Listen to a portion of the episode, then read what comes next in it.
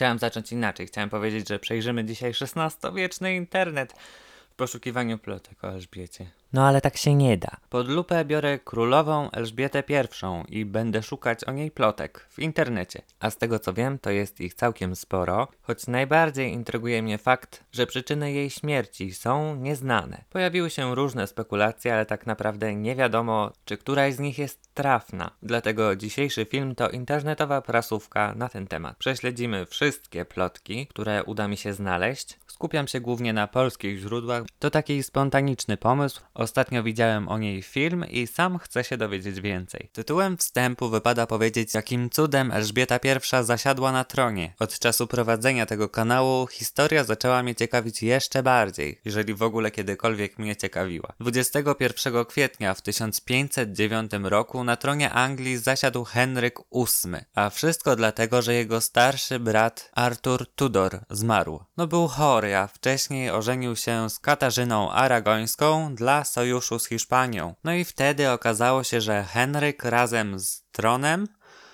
odziedziczył też królową. Trzeba pamiętać, że w tamtych czasach wszyscy zabiegali o to, żeby mieć męskich potomków w celu przedłużenia rodu. Katarzyna nie dała Henrykowi syna. Mieli natomiast córkę, Marię I, która później została królową Anglii. Henryk po tym pierwszym nieudanym małżeństwie poślubił dworkę swojej żony, Annę Boleyn. Wzięli ślub 7 września 1533 roku, a owocem ich związku była Elżbieta, do dziś uważana za jednego z najznamienitszych władców w historii Anglii. To było strasznie trudne zdanie. Elżbieta nie doczekała się rodzeństwa, ponieważ jej matka, oskarżona o cudzołóstwo, została ścięta. Czasy Tudorów to naprawdę jest kosmos. Czy ja mogę o królowej mówić Ela? Ela? Elżbieta? Elżbieta miała później przerąbane. Uznali ją za dziecko z nieprawego łoża, pozbawili ją praw do tronu i osadzili ją w więzieniu. Ale ona nie próżnowała i zaczęła się kształcić. To była naprawdę mądra kobieta, poliglotka. Nie przebywała na dworze i nie miała kontaktu z ojcem. Do ich ponownego pojednania doprowadziła Katarzyna Parr, czyli ostatnia żona Henryka.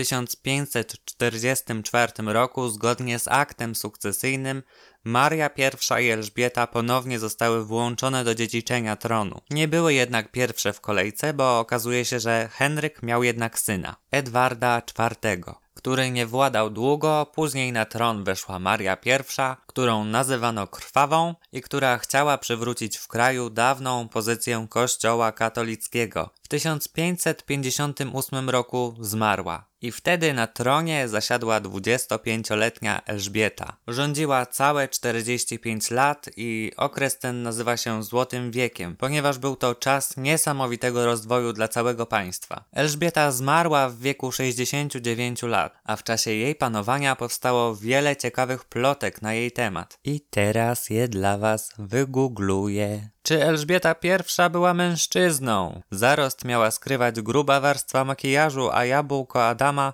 marszczone kołnierze. Zbyt długie palce, upodobanie do polowań i niespożyte siły witalne miały dowodzić niezbicie, że najsłynniejsza władczyni w Europie w rzeczywistości wcale nie była kobietą. Największym problemem dla wszystkich i w ogóle najciekawszą taką sprawą związaną z Elżbietą I jest to, że ona nigdy nie miała faceta i na każdej stronie się czepiają, że królowej to nie wypada być singielką. A może właśnie odkryłem prekursorkę tego stylu życia? Podobno nie chciała mieć męża, bo sama była facetem i wtedy wszystko by się wydało. Krążą w sieci takie informacje, że kiedy Henryk walczył we Francji, Elżbieta zmarła gdzieś na wsi. Wtedy, żeby ratować sytuację, zabrał zamiast niej jakiegoś chłopca, który później całe życie udawał królową.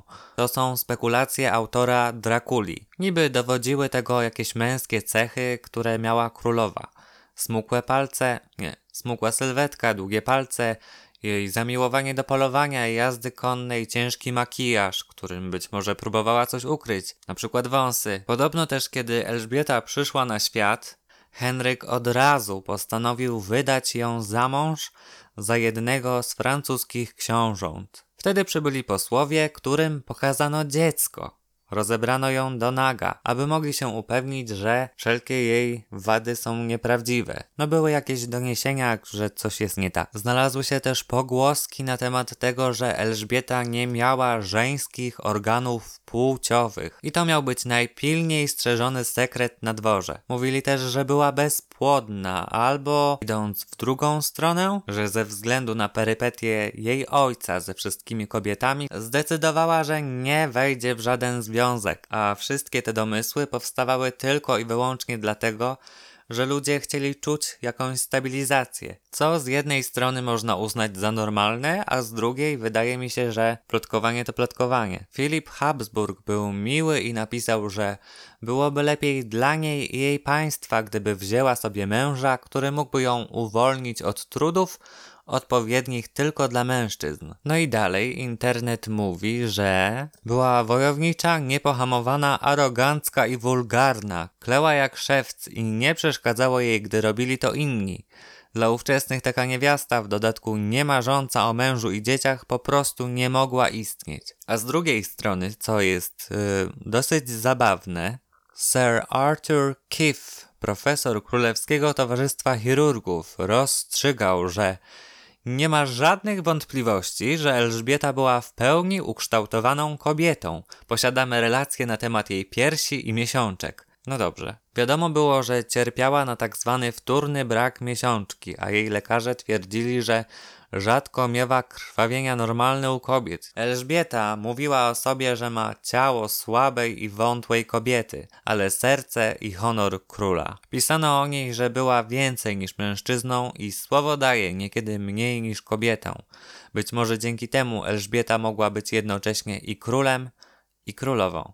Tak pisał o niej sekretarz stanu. Dzisiejsi badacze na skutek plotek podejrzewają, że Elżbieta cierpiała na zespół niewrażliwości na androgeny. Chodzi o wrodzone zaburzenie rozwoju płciowego które jest bardzo rzadkie. Człowiek z taką wadą genetyczną ma zarówno męskie, jak i żeńskie organy płciowe choć nie widać tego gołym okiem. Noworodek ma kobiece genitalia, choć badania ginekologiczne wykazują, że nie ma on macicy czy jajników. Dziecko ma w sobie jądra, które produkują testosteron, ale organizm go nie wyczuwa. Dlatego taka osoba wygląda jak kobieta. I choć anatomicznie budowa jest kobieca, to genetycznie taka osoba jest mężczyzną. Elżbieta do historii przeszła jako królowa dziewica, ponieważ nigdy nie doczekała się potomstwa. Chociaż mówiło się o tym, że facetów miała wielu, tylko nikt o nich nie wiedział. Teraz kilka informacji i domysłów na temat tego, jak Elżbieta I zmarła,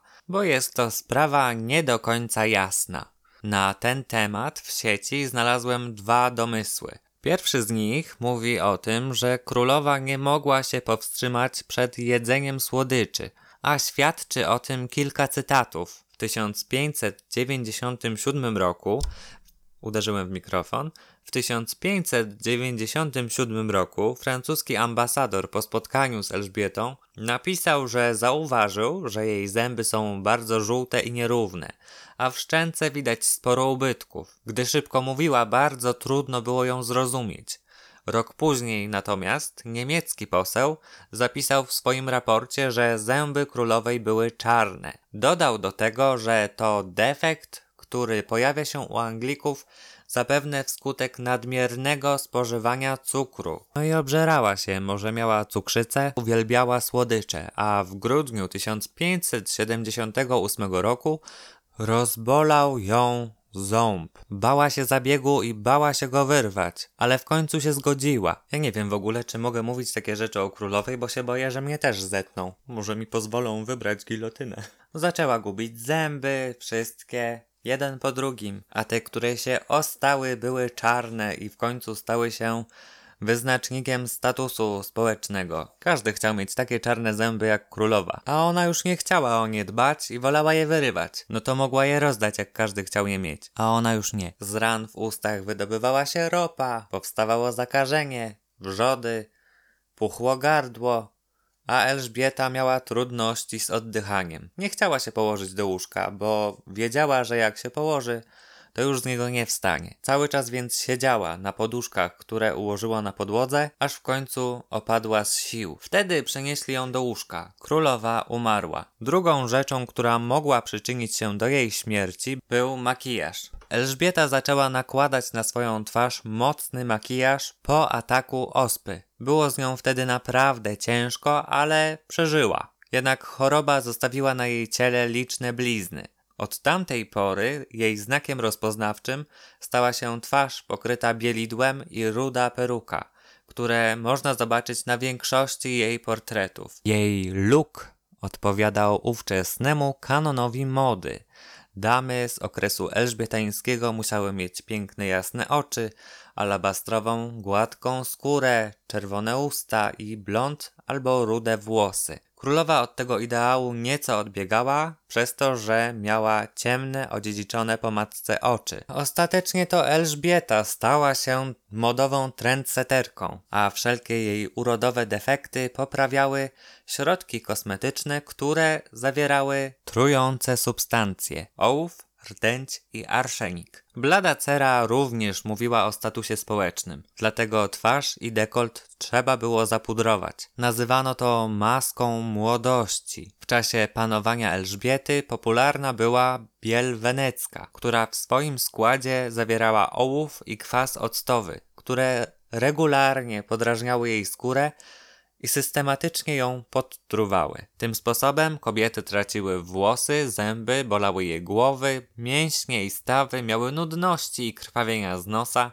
ale też niewidoczne na pierwszy rzut oka kłopoty z płodnością. Mogło to uszkadzać też wewnętrzne narządy albo podnosić ciśnienie krwi. W najgorszym wypadku czekała je śmierć. Biel do twarzy szła zwykle w komplecie z barwnikami do ust, które zawierały w sobie cynober. To taki minerał, który zawiera w sobie rtęć, która wchłania się przez drogi oddechowe. Mogła uszkadzać układ nerwowy, nerki, zakłócać wiele procesów życiowych. Związki rtęci znajdowały się też w czernidłach do rzęs, a źrenice powiększano wyciągiem z beladonny, czyli wilczej jagody co było dość ryzykowne, ponieważ wyciąg powiększał źrenicę, ale mógł być powodem ślepoty czy napadów agresji. No ale to nie wszystko. Preparaty z tlenku wapnia i arszeniku stosowano do depilacji. Wszystko jednak było drogie i nie każdy mógł sobie na to pozwolić. Na stronie W Magazine pojawił się artykuł o tym, że królowa Elżbieta I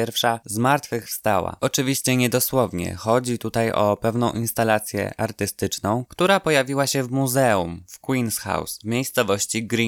Jej autorem jest Matt Show, a dzieło, o którym mówię, przedstawia twarz królowej Elżbiety. Twarz, która się rusza, rusza ustami, otwiera oczy, jest bardzo realistyczna i robi naprawdę ogromne wrażenie. A w muzeum umieszczono ją na tle portretu królowej Elżbiety z armadą, tak żeby głowa pasowała do malowidła. Musicie to zobaczyć, więc jeżeli słuchacie mnie na Spotify, po wszelkie wizualizacje zapraszam Was na mój kanał na YouTube. Na mnie Elżbieta zrobiła ogromne wrażenie, a do zgłębienia jej historii najbardziej zainteresowały mnie jej portrety. Wygląda na nich bardzo majestatycznie i ma w sobie coś magnetycznego. Nie mogłem sobie odmówić dokładniejszego sprawdzenia, kim była ta kobieta. To nie miał być bardzo historyczny film, tylko kompilacja różnych faktów, które mam nadzieję Was zaciekawiły. Naturalnie nie znam całej historii rodu Tudorów, więc jeżeli chcecie się ze mną podzielić jakimiś informacjami w komentarzach, to zachęcam Was do tego.